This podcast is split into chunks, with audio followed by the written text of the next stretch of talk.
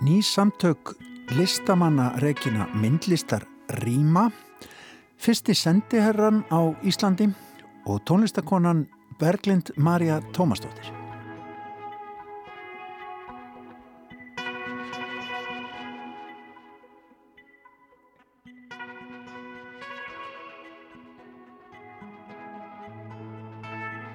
Fyrsti sendiherra á Íslandi 1919 til 1924 er heiti nýrar bókar eftir Jakob Þór Kristjánsson.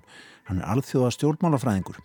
En í bókinni fjallar Jakob um sendiherra tíð hins danska Jóhannesar Erhards Bögild á Íslandi en hann kom hingað skömmu eftir að Ísland var fullvalda ríki sem sendi fulltrúi Danaveldis og hann tók þátt í breytingum á samskiptum Íslands og Danmörkur í kjölfar þeirra atbörða. Jakob Þór verður tekinn tali um bókina í Ísjá dagsins. Berglind Marja Tómasdóttir gaf á dögunum út plötuna Eteriality en um, að því telefni mætir Berglind Marja í tónlistarhortnið Heyrandi nær hjá Arljóti Sigursinni með plötuna í farteskinu og leysir líka frá skjóðinu um útgáfuna auk þess sem að hlustendur fá nasa þef af væntanlegum tónlistaræfintýrum hennar. Við sjá forvittnast líka um listamannarekin myndlistar rými og heyrir af stöðu þeirra í myndlistar kerfi landsmanna en í síðustu viku voru stopnud samtök aðila sem að standa í því að halda út í slíkri starfsemi. Gestir viðsjár í dag verða tvær konur í stjórn þessara ný stopnudu samtaka Það er þekkja vel til slíkrar starfsemi, það eru þær Ingi Björg Sigurjónsdóttir og Sunna Ástórsdóttir. En fyrst ný bók um sendiherra sem kom hinga til lands fyrir, eh, já, rúmlega hundrað árum.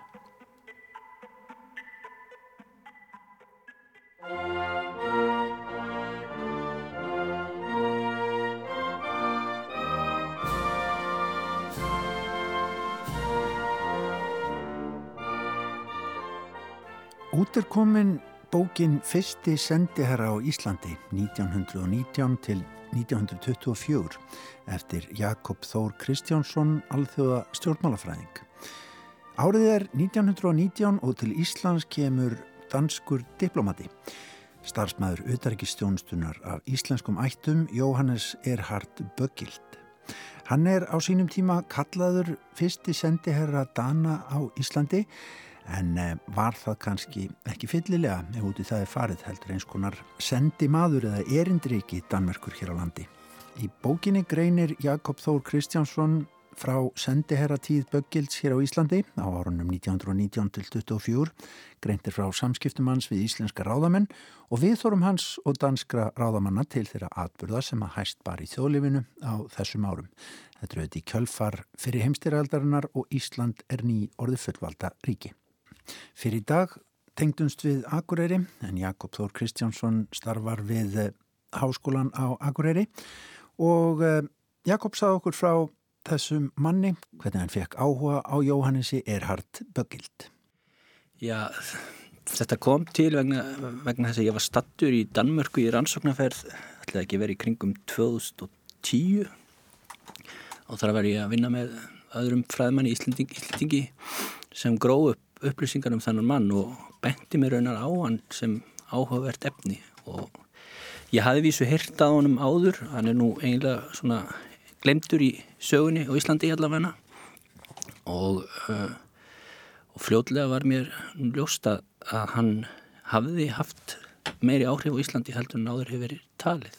Ja. einmitt á þessu tíanbili þannig frá 1900 og 1924 eftir fullveldið. Einmitt, hann, kemur, hann kemur beintun í fullveldið hér og, og staða kannski auðvitað þegar að það gerist þá gefum maður sér eiginlega að kannski samskiptin milli okkar og herra þjóðarinnar eða já, okkar gömlu herra í Danmarku sé, sé svona ómót staða. Já, já, það er það og hann, hann er náttúrulega, hann er af íslenskum ættum uh, og uh, hafði áhuga fyrir Íslandi uh, og var að hluta til sendur hinga til þess að koma skikki á þessi samskipti eftir, eftir uh, sjálfstæðisbaratu Íslandinga mm.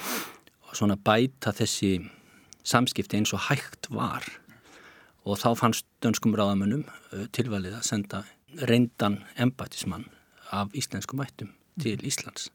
Sko þú skiptir bókðinni í þrjá kabla fyrsti hlutin, þar er yfirskriftin Konungsríkið Ísland verður til uh, annar hlutin fjallar meira um þennan mann og komu hans til landsins sko mm. hérna Húnum líst vel á sig þegar hann kemur til Reykjavíkur fyrst en síðan kannski renna á hann tvær grímur.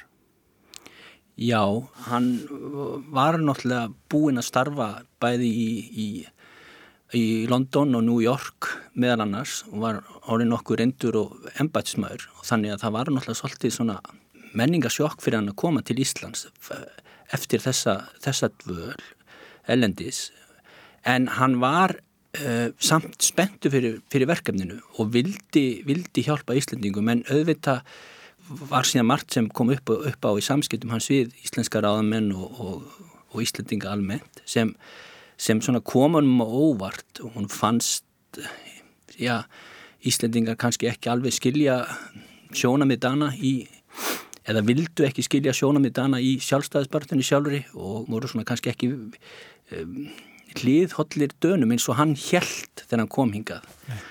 og svo reyndist þeim hjónunum konu hans Helgu báði mjög erfitt að, í fyrstu að kynnast Íslandingum en, en það kom nú svona hægt og rólega en það sem þau áttu erfiðast með að venjast var kannski veðufarið Já, hann talar um hvað esjans í falleg þegar hann kemur en síðan svona, já, það fer eftir hvernig á hvað dag þú hittir að koma til Reykjavík Já, já, já, já.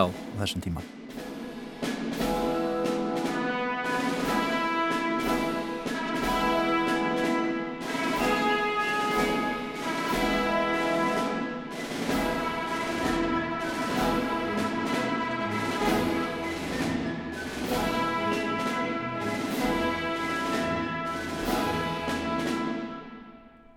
Sko, niður yfir hverfiskvötu við liðin á þjóðlikursinu stendur þetta glæsilega danska sendiráð sem kemur inn í þessa mm. sögu. Danir mm. eru, er það ekki um það byl að festa kaup á húsinu þá, þegar þessi maður kemur til hansins eða hvað?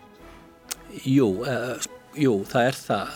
Hann, hann leikur stort hlutverk í því að þetta hús verði keift. Hann hafi semst að komið hingað um aldamóti 1900 með dönskum námsmönnum í ferð þá og þá hafði hann einmitt dvalið í þessu húsi. Það Þau störlubræður sem áttu húsið hefðu hýst nokkra, nokkra þessum dönsku stúdendum og hann var í þeim hópi og það, svona, það kannski var til þess að þetta hús var síðan keift fyrir danska sendiræðinu. Og það er, það, það er barningur, heyri maður, og sér að hann er að kvarta heim til Danmerkur og segja ég fæ ekki það sem ég þarf til þess að koma þessu í almennilegt stand og gera þetta þannig að það sé sómi að.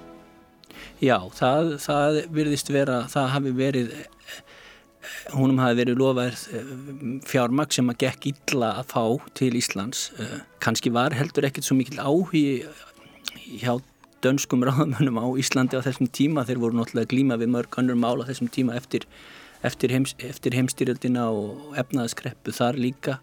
Þannig að Íslands kanns, mætti svolítið um afgangi hjá, hjá ráðamönnum í Danmörku mm. á þessi fyrstu árin allavega. Þó þeir vildu gera allt sem þeir gætu til þess að honum vegnaði vel í starfi.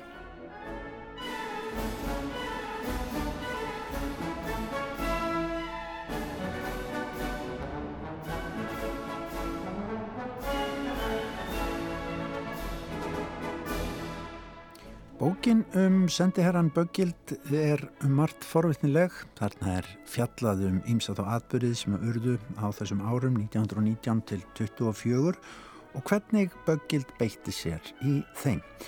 Það var til dæmis hans að undibúa heimsók konungs Kristjáns 10. 1921 og kvítastriðið eða drengsmálið óerðir sem örðu fyrir utan íbúð Ólafs Fridrikssonar reittstur á Alþýðublasins árið 1921 komi líka inn á borð hjá Böggild. Svo er rifjum það upp í nokkrum orðum. Ólafur var þektur jafnaðamadur, hann kom heim frá Alþjóðaþingi kommunista Komitern með Nathan Friedman, 14 ára dreng með sér. Nathan var með smítandi auksjúkdóm, egifst augnkvef svo kallað og vildi landlæknir láta vísa honum úr landi til þess að koma í veg fyrir að fólk hér á landi smitaðist. En þessi alvarlega deila í íslensku samfélagi kom líka inn á borð hjá sendiherranum Böggild. þessi tveiri viðbyrðir eru náttúrulega, má segja, hápunktur starfsferðis hans hérna á Íslandi og drengsmálið um, er nokkuð áhugavert en það, þó maður hafi kannski ekki alveg 100% heimildi fyrir því þá, þá er það nú þannig að, að það virðist vera eins og hann hafi beitt sér mjög mikið fyrir því að þetta, þetta mál yrði leist og hann laði áherslu að, þetta, að Danir myndu til dæmis ekki skipta sér af, af deilinu í drengsmálinu. Og en, en á bakvið tjöldin með Jóni Magnúsinni fórsæðisráð þegar þá hefur hann heilmikil áhrif á hvernig þetta mál leysist á endanum. Og bara má raunar segja það að hann hafi komið vekk fyrir það að, að, að já, danskir sjóliðar hafi, sem voru þá stattir á skipi fyrir utan við Reykjavíkuhöfn hafi stíðið í land og haft afskipti af málinu. Já. sem hafi náttúrulega geta haft þær afleðingar að já, já Íslendingar hafði ekki tekið vel í það, það er óhætt að segja það. Nei, einmitt, einmitt Hvað með konungsheimsóna? Hvernig gekk að, að undirbúa hana? Já, það, það gekk ágætlega og, en það sem að kannski þeir, þeir hann vissi og, og danski ráðamenn að Kristján Tíundi var ekki vinsætla á Íslandi og uh, uh, það, svona, það kom þeim á óvart samt enga síður hversu lítinn áhuga Íslandingar síndu þessari heimsók allavegna til þess að byrja með en síðan þegar höfðu liðið nokkri dagar og Kristján hafi ferðast um Suðurland og, og séð eh, og kannski kynst Íslandingum eitthvað betur þá svona, svona tóku, finnst mér allavegna að Íslandingar hafi svona byrjað að, að svona tekið hann að hluta til í sátt þótt hann hafi aldrei orðið vinsælt konungur á Íslandi mm. Við tökum smá kipp, okkur finnst það allavega merkilegt að konungurinn sé komin allt í hennu? Já, já, já, já, já, maður ma skildi nú ætla það en, en, en auðvitað voru náttúrulega einhverjir sem voru bara alls ekkit hlindir því að Ísland væri með konung á þessum tíma og lítu bara þannig á að Ísland væri riðið sér sjálft og væri bara ætti ekki kannski endilega verið í konungssambandi við Danmörku, það held ég að hafi alveg verið komið fram á þessum tíma þó að þó var náttúrulega sambandslega samningunni gerði ráð fyrir því að, að þetta við værum við værum, í, í konungs, værum hluti af konungsríkinu Danmörku í rauninni. Mm -hmm. Sko Jakob Þór, þú, þú fjallar heilmikið um það um samskipti Böggilds uh, sendi herrans við mm. íslenska stjórnmálamenn á þessum tíma mm. og manni finnst það kannski engjana daldið þann lestur í þessari bók að það er svona hálfgerið vandraðagangur í, í mörgu uh, menn eru kannski ekki alveg búin að fóta sig þannig eftir, eftir uh, fullveldið. Er það rétt mat? Já, ég held að það sé alveg rétt, rétt mat og það er náttúrulega kannski, er það nú ekki, á það nú kannski ekki að koma neitt mikið óvart. Nei. Og það, það er náttúrulega eina ástæðan fyrir að hann er sendur hingað uh, til þess að svona kannski hjálpa Íslandingum við að fóta sig sem fullvalda ríki um, en það sem að kemur honum kannski á óvart er það náttúrulega það að Íslendingar eru kannski ekkit svo vilja kannski ekkit svo mikið á hjálp dana að halda að honum finnst Nei. en já og svo uh, var náttúrulega stjórnsvíslan hún var, hún var fámenn uh, uh, og, og Íslendingar einblindu meira á mál sem svona tengdumst þeim svona innaríkismálum heldur en endilega hvaða þýtti að vera uh, fullvalda þjóð í, í alþjóða samfélagin á þessum tíma og hafðu lítinn áhuga til dæmis á uttaríkismálum og nánast engan áhuga uttaríkismálum á þessum tíma mm. til dæmis. En hvernig var þessi maður svona eftir, eftir skoðundi í náunum? Ég menna, upplifur hann sem nákvæmann embætsmann eða og metnaðafullan fyrir hönd í að begja þjóða eða, eða geða okkur smá mata á hann? Já,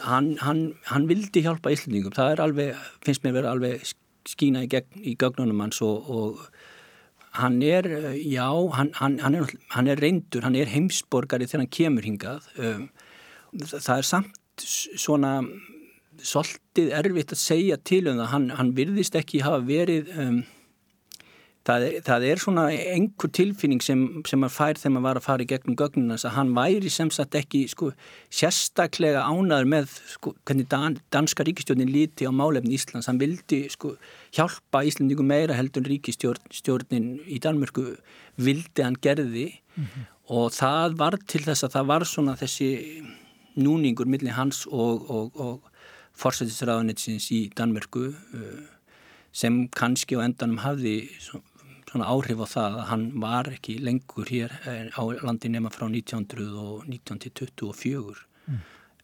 Hann er dregin það... tilbaka, þannig séð? Já, hann er dregin tilbaka og auk, auk þess uh, var uh, konan hans Helga, hún, henni gekk illa að aðalast hérna og var, var honin uh, veiktist og það var svona hluti að því að hann var, hann var sendur, eða dregin tilbaka og sendur til, til til Kanada en þar lagðan mikið á sig við það að styrkja tengsl uh, vesturíslendinga við, við Ísland á þessum tíma. Þannig hann, hann bar hlýhu til Íslendinga, Já. virkilega. Og nýttist okkur vel? Já, ég myndi segja það að hann hafi nýst, nýst okkur vel og hann, áhrif, áhrif hans á, á þessum árum eru meiri en áður hefur verið uh, álitið að mínum að því. Ljómandi gott, takk kærlega fyrir spjallið Jakob Þór Kristjánsson, takk fyrir að segja okkur frá fyrsta sendiherranum á Íslandi 1919-24 Takk fyrir mig og takk fyrir að bjóða mér. Takk sem leiðis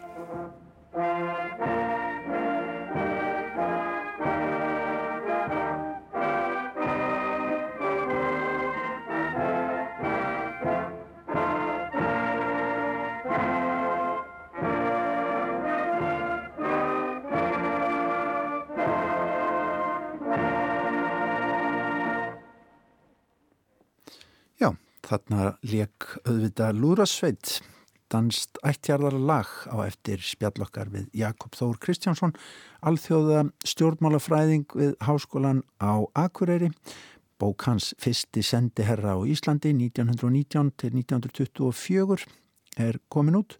Þar fjallar Jakob Þór um Jóhannes Erhard Böggild, sendiherra eða sendi fulltrúa Danmerkur á Íslandi á þessum árum. En þá er komið að tónlistarhóttninu heyrandi nær.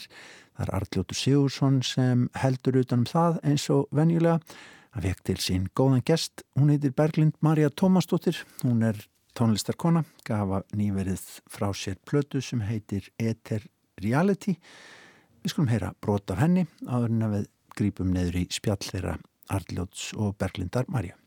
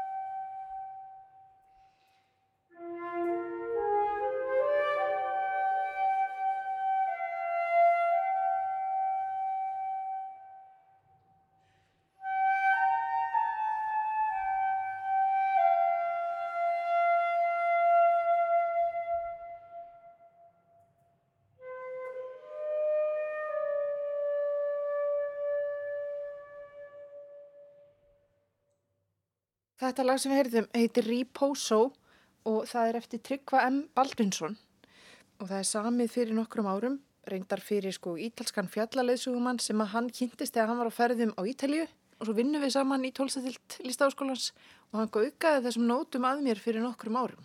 Og svo þegar þessi plata kom til sögunar þá ekkert neina ákvaði að leifa því að vera með.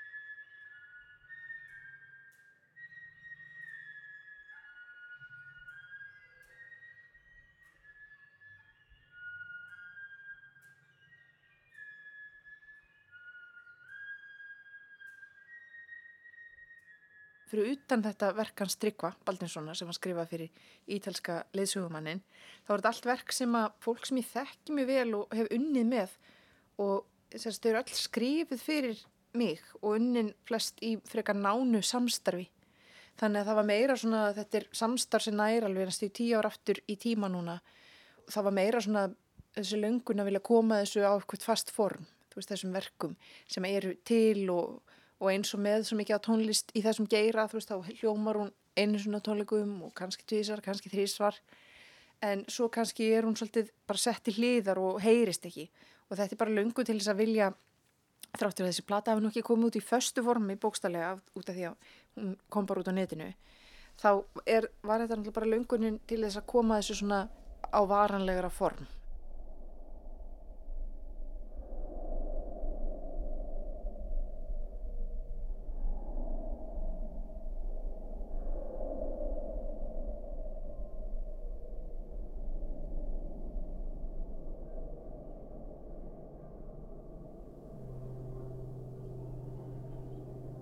eins og verkið hennar önnu sem er þarna titilverkplötunar það er samið þegar við vorum báðar við nám í Kaliforníu og flutta á tónleika sem voru einna síðustu tónleika þess að hún hjælt þar og hún bara kláraði það nám.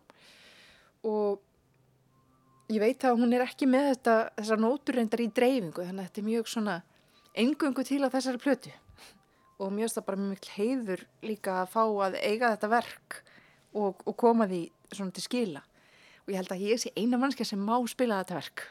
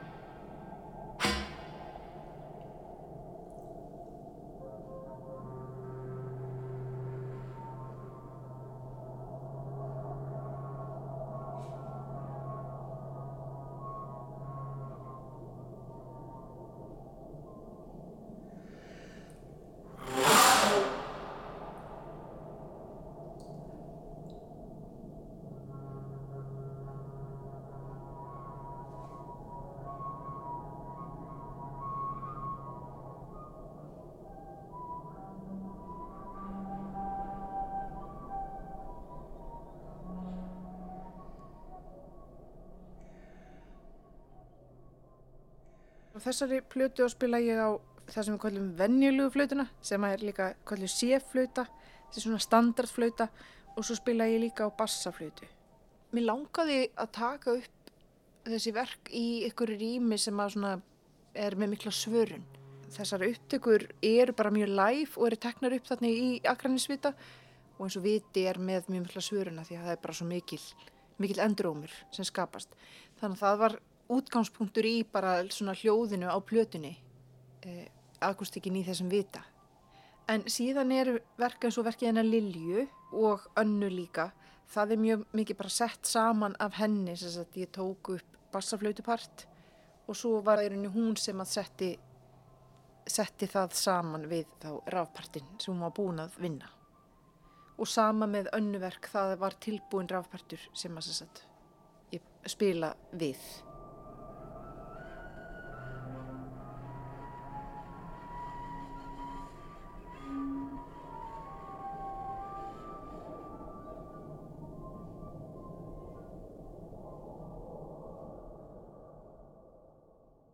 þú talar um að syngja, það er reyndar alveg slatti af svoleiðis effektum í verkinu mínu á sælplötu. Það sem ég spila tvíratað bara með því að syngja og, hérna, og spila aðra línu. Eða þá nota teknina sem heitir multifónix, það sem margir tónar hljóma í einu.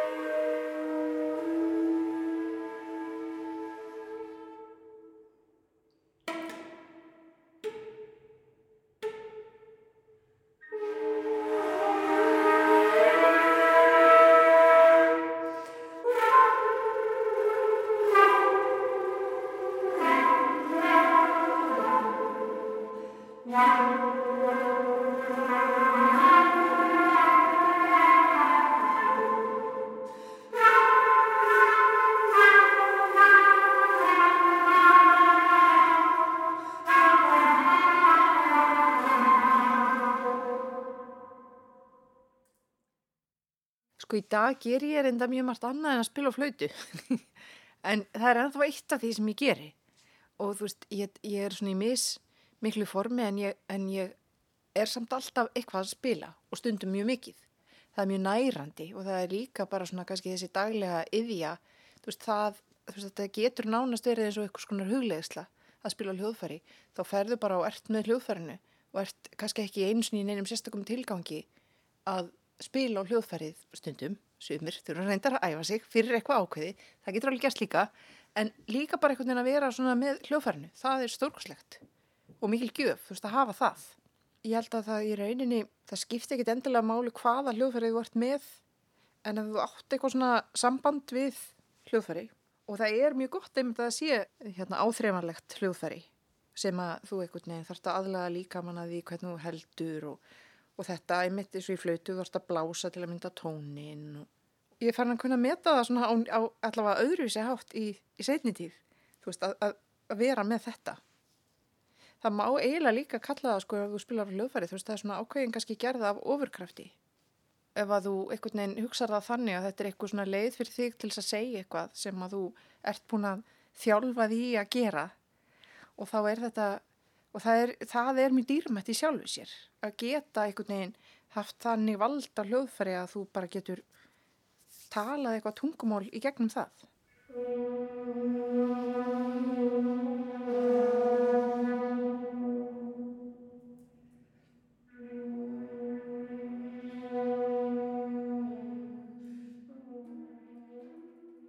Lokkur og rokkur eru hljóðfæri sem ég bjóð til fyrir nokkrum árum Já, það var kannski svona okkur tífambili í, í lífi mínu sem flautuleikari þar sem ég var komið svolítið mikið leiða og spila á flautu og líka kannski svona vildi bara veginn, snúa því við að bara búa til hljóðfæri sem að þú þart ekki, þú ert búin að vera í klassísku tónlistanámi þá ertu búin að taka eins og miklu upplýsingar hvernig á að spila hljóðfæri og þá mjög, svona, getur verið mjög svona frelsandi að búa til hljóðfæri sem enginn getur sagt þér hvernig á að spila á. Þannig að það var svona einn pæling á bakvið það hljóðfæri. En líka bara pælingin að vera með hljóðfæri sem væri svona eins og lokkurinn sem er að hluta til sett saman sagt, úr rock og langspili. Að það var líka þessi svona hugmynd að tengja það við eitthvað svona verklega yðju eins og það að spinna rock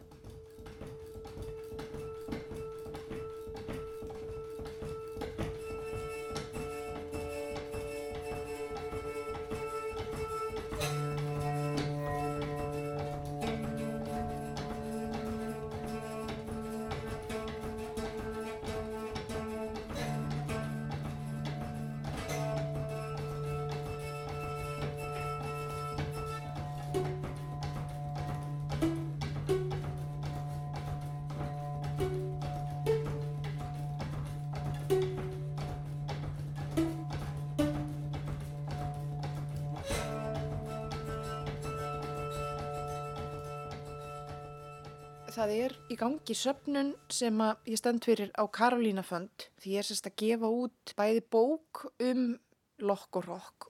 Með þessari bók koma líka bæði geisladiskur og kaseta. Og þar á þessum gripum verður að finna sérst tónlist fyrir lokk og annars vegar á, á disknum þá eru sérst verk eftir, eftir mig og Þórunu Gryttu Sigurðar og Karolínu Eiríks og hérna Lilju Ásmunds. Og svo á kasetunni þar eru sérst svona sem að ég kallaði hljóðbref eða reworks, verk eftir eh, samtals tíu tónskáld sem eru unnin upp úr hljóðum loksins.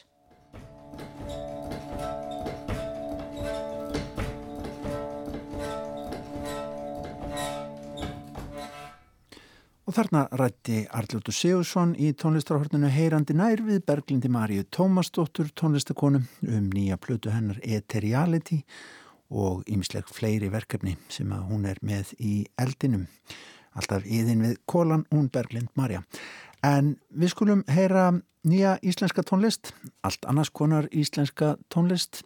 Nýlega gaf Sigurður Flósarsson, saxofónleikari, út nýja plötu sem hann kallar In Orbit. Þar leika með Sigurði Andres Þór Gunnlaugsson á gítar, Andreas Dreyer á bassa og Anders Tóren á trommur, sem sagt þrýr Andreasar, ef það er farið, á samt leðtóa sveitarinnar, segur því flósasinni sjálfum.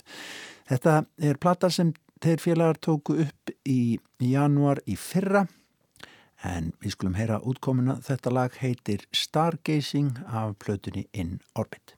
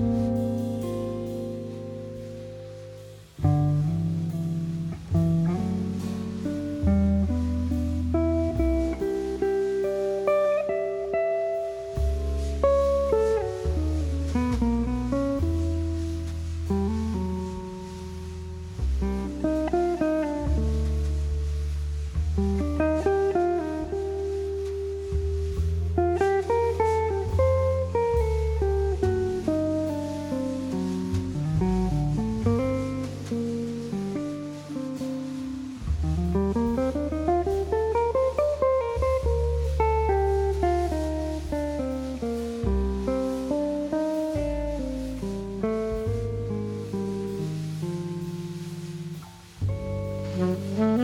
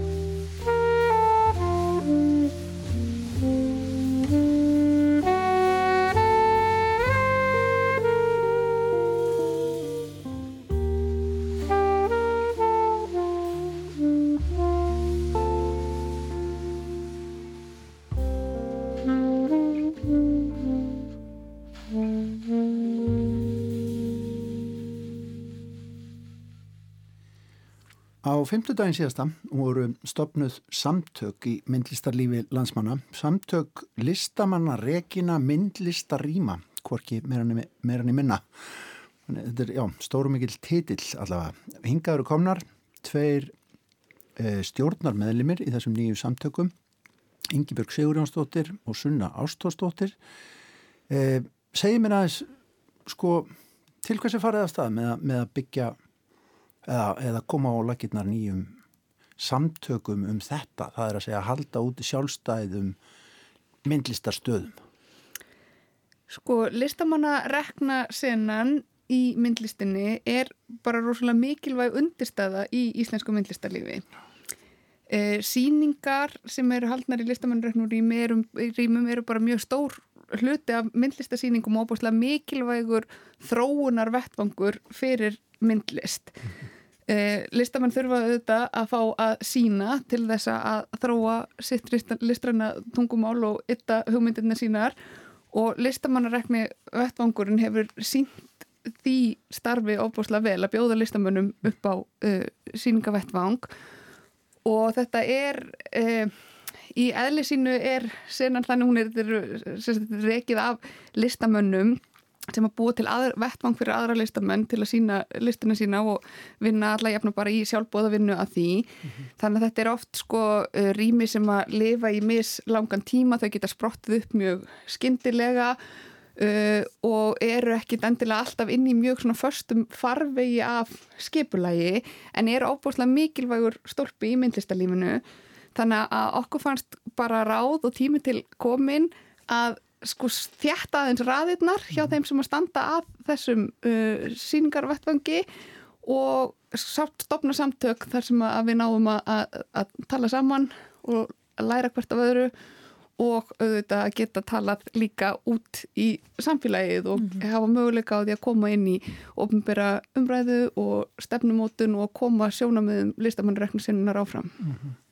Sko Sunna, þú ert uh, sapstjóri nýlistasapsins og þetta, það er einhvers konar, erketýpa af því sem við erum að tala um. Það er að segja, alltaf breið samtök, listamann á sín tíma sem að stopna nýlistasapnið á 8. áratögnum. Mm -hmm. uh, sko þetta er auðvitað samt alveg gríðarlega svona fjölbreytt flóra og, og hérna auðvitað náttúrulega það er daldi stór stopnun nú orðin nú til dags yeah. þó þetta sé í grunninn bara áhuga manna samtök en oft er þetta hansi lítil fræ sem að vaksa, ekki satt? Ég menna þessi litlu galleri mm. og síningarsalir Já, náttúrulega jú, Fólk... það er alveg sagt að nýlistasafnið er náttúrulega búið að vaksa og dapna síðan að það var stopnað og ég held að já, einhver tíman var talað um nýlistasafni í dag og hlutverk safsin sé svona ákveður svona móðurskip. Uh -huh uh, í listamannareknu senunni að því að við erum að sapna líka heimildum um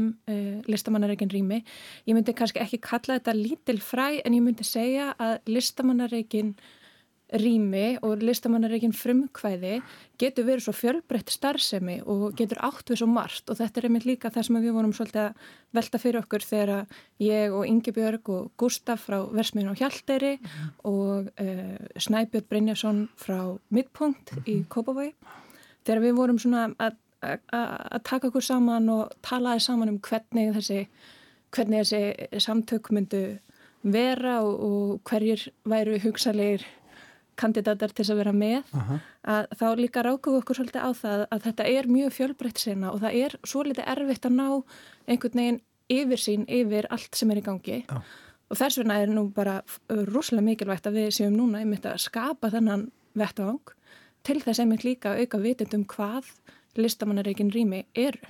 En hvað er að tala um að þetta séu margir aðila sem að starfa á þessum vettvangi? Eru þið alveg með með þá reynu? Við erum ekki, ekki með þá reynu, nei. nei. En hins vegar þá voru, uh, um, það voru um 30 uh, listamannarreikin myndlistarými, hátíðir eða, eða önnur frumkvæði sem voru viðstödd á stoppfundi sem var mjög ánægilegt uh, og, og sem er bara í rauninni kannski kom okkur í vinnuhópnum og, óvart, ekki það við vissum auðvitað að það var fullt af, fullt af spennandi verkefnum hana úti en mm. hérna Eh, en að það voru svona margir sem að koma á stoppfund, það var ánægilegt og það er, við erum alveg vissum það að við höfum ekki verið með augastað á heldur öllum sem að, hérna, sem að sinna þessari, þessari vinnu, þannig að við búumst nú alveg við því að, um, að fjölum fjölgi. Já, og það er hægt, hægt að hafa sambandi með að gleinda, gleindi sér að koma á fundin, eða ekki? Jújú, jú, það er hægt að hafa samband. Hvað er uh, eh, tölvupostfangið okkar? Það er hægt að hafa samband á listamannarekin at gmail.com hljóma vel. Og um að gera, gera það. Ég tók nú eins og saman sem Bjerrit gerði í Sakfræði við Háskóla Íslands, uh, já, rekstur galleri á síningarsala á bara 20. öld frá 1900 til 2000 og, og það var hans í fjölbreytt flóra um, og auðvitað hluti sem að kom og fara, rísa og dafna mm. og, og þetta er auðvitað í grunninn til bastl, aldrei mikið bastl, oftar en ekki yngi börg, það er ekki. Það má nú alveg segja það. en skemmtilegt basl. Þetta er sko dásamlega skemmtilegt og gefandi basl en auðvitað er þetta mjög mikil vinna Já. og þetta eru náttúrulega að megnum til listamenn sem sinna þessari vinnu uh, og sem þeir gera meðfram því að sinna sinni eigin myndlist og vinna yfirleitt annar staðar til þess að fá salt í grötin og sinna svo fjölskyldinu sinni og öllu því sem að, að þarf að gera í lífinu og þá er ofta ekkit endilega rosalega mikil kraftur eftir hjá mann til þess að fara svo einhvern veginn að fara að beita sér fyrir því hvernig kerfið ætti nú að vera til þess að þjóna listamannareknum frumkvæði sem best og svoleiðis og þannig að þá fannst okkur líka mikilvægt að fá þessi samtök inn til þess að geta haft svolítið svona þéttan fókus og geta unni fyrir svolítið breiðan hóp sko mm. og að því þetta er e, já því eins og segir að það sé basl þetta er náttúrulega mjög mikil vinna og mikil kraftur sem fer í þetta en sem er vinna sem skilar óbúslega miklu. Já. Þetta að býr til svo frjótt landslag og þetta gerir það einhvern veginn mögulegt fyrir fólk. Þetta skiptir þetta ekki sístmáli fyrir listamenn sem eru að stíga sín fyrstu skref af því að það eru listamenn sem væri náttúrulega kannski ekki beint forsvaranlegt að söfnun væri að, að taka inn til þess að sína hjá sér en sem er að það er óbúslega mikilvægt að fólk geti komið inn í myndlistarlífið og að sé einhver sem að grípi svolítið og að sé einhverju möguleikar og svo getur þetta verið frábær leikvöllur fyrir listamenn sem eru komni lengra í, í sínu ferli að til þess að prófa og hafa rými til þess að, að gera tilraunir og mistök og allt svoleiðis. Mm -hmm.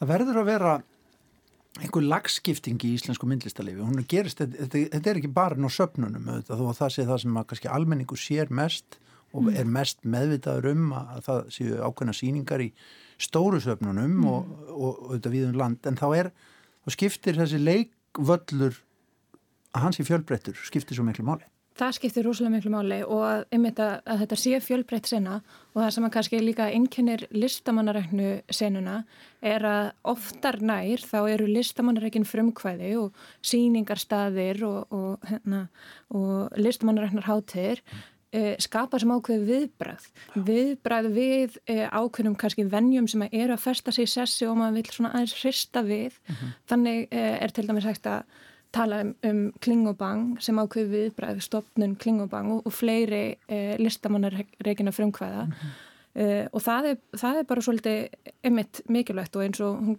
kemur inn á Ingebjörg að þá er þetta basl en það er líka sko um margt sem að gerist á listamannareknu senunni þótt að kannski e, verðist vera kannski bara varandi í ákveðin tíma eða augnablík að þá ítir það við listasögunni. Heldur betur, mm. ja, akkurat. Já og það er eins og segir sko þessi rýmið þau vara flest ekki í neitt gríðarlega langan tíma, mörg bara, ég held að tala stundum um einhvern meðaltíma sem sé einhvern svona 2-3 ár, það er svona algengu tími að endast. Sumt kannski væri bara í eitt sumar mm. annað fyrir kannski að vara í ára tugi þannig að það er allur gangur á því. Bara meðan það er eh, kraftur og hugssjón til að fylgja því eftir þá lifir það. Og svo auðvitað en það er ekki, ég er nú alls ekki segja að það sé hérna, e, e eitthvað sem fari úrskeiðist eða það lokar eftir stittri tíma því að mörgu er ekkit ætlað að lifað eilíf og það er ekkit endil allt betra því að verði ægilega gamalt sko. En, e, en þannig að þetta er auðvitað mjög svona kvik sena Já. og það er líka kostur hennar af því að hún er léttari á sér og getur bröðist við rætt og þegar einhvað er farið að verða stafið í myndlistarsamfélaginu að þá geta listamannuröknu rýmin breytt sér og bröðist við eftir því sem þarf eða einhver stopnað rými og bara ákveða, heyrðu, ok, ég finn hérna einhvern, einhvað pláss eða einhvað, uh, einhvern, einhvern vettvang og bara opna síningu í næsta mánuði eða eitthvað, það er hægt að vera svo ör í mhm. þessu. Og þannig að þar já, kemur sveiginleiki sem er mjög mikilvægur.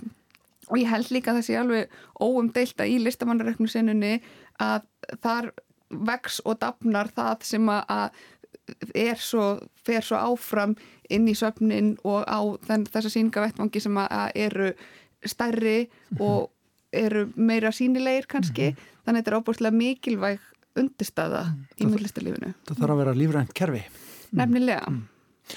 Sko, en nú veit ég að þessi samtöku eru kannski í og með hugsuð já, sem, hvað ég segja, málsvari þessara aðila inn í stefnumótun ofnbæra aðila og, og núna er til dæmis bara verið að að manni skilt mynda ríkistjórn einhverstað út í bæ og það verið að velta fyrir sér málasviðum millir áðanenda og hvar hlutinir er að liggja þegar kemur að því að, mynd, að móta til dæmis stefnu í málum myndlistar á Íslandi Minna, þá þurfa þessir aðilar að taka til máls, exakt, er það ekki hugsun hjá okkur aldrei? Jú, okkur finnst mikilvægt að þetta séu rattir sem að heyrast og til þess að maður sé gælgengur í svoleiðis umröðu þá er þarf, maður, þarf maður að vera með samtök þannig að það sé einhver staði sem er hægt að leita til og það sé einhvað form utanum það þannig að þessi samtök munu vonandi nýtast vel í það að geta haldið utanum þessar rattir sem þekkja til í þessari senu og geta miðla því áfram inn í stjórnkerfið. Og hvað brennur á hjá okkur? Sko... Óskalisti, gjur þessu vel. Óskalisti, já.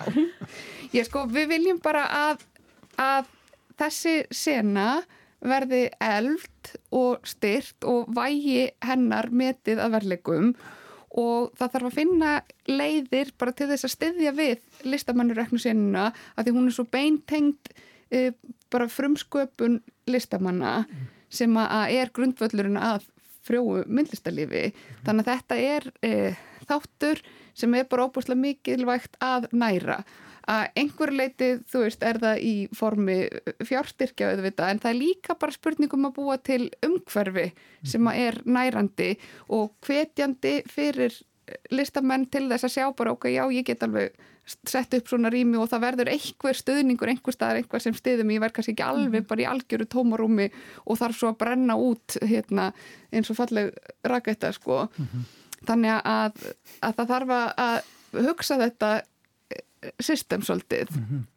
Þetta er náttúrulega snýst líka um það að, að sko láta ykkur hafa rött ekki satt gagvar til dæmis stjórnmálumönnum og embætsmönnum og ríki og borg mm -hmm. og það er oft snúin umræði, ég menna það þarf að hérna, það þarf að koma rétt inn í þetta lítur að vera og, og það þarf að vera meðvitund hjá þeim sem talaðir við um að þarna sé eitthvað í gangi sem er spennandi og þurfa viðhalda.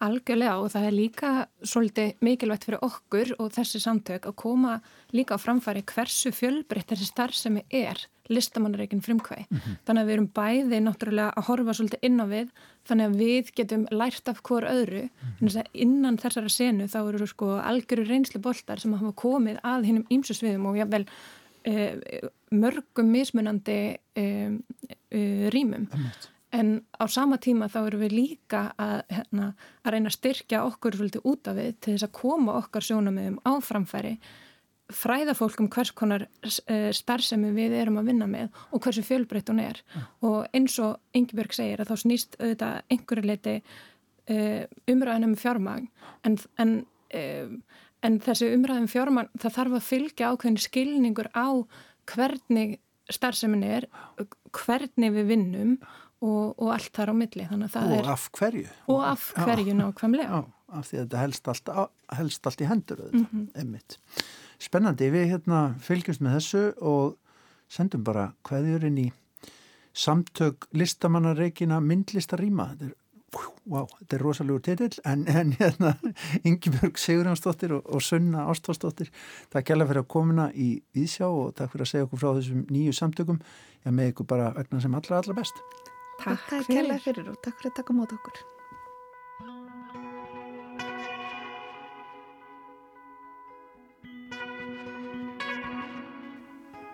Og á þessari umræðu um listamanna Rekin Rími í myndlistasenu landsmanna, þannig að eh, merkilega vakstarbrott sem að nærir myndlistalífið út í það er farið, þá eh, Ljúkum við við sjá í dag ágættu hlustendur. Þakkum ykkur samfélgina verðum hér aftur á morgun á sama tíma klukkan 16.05 í dagskrá Rásar 1 en bendum jafnframt á það að það er hægt að hlusta á viðsjá með ýmsum hætti nota til þess hlaðvarps upp eða ja, Spotify jafnvel og því engin ástæðan til að missa af þættinum. En verið sæl, við heimst á morgun. Takk fyrir samfélgina.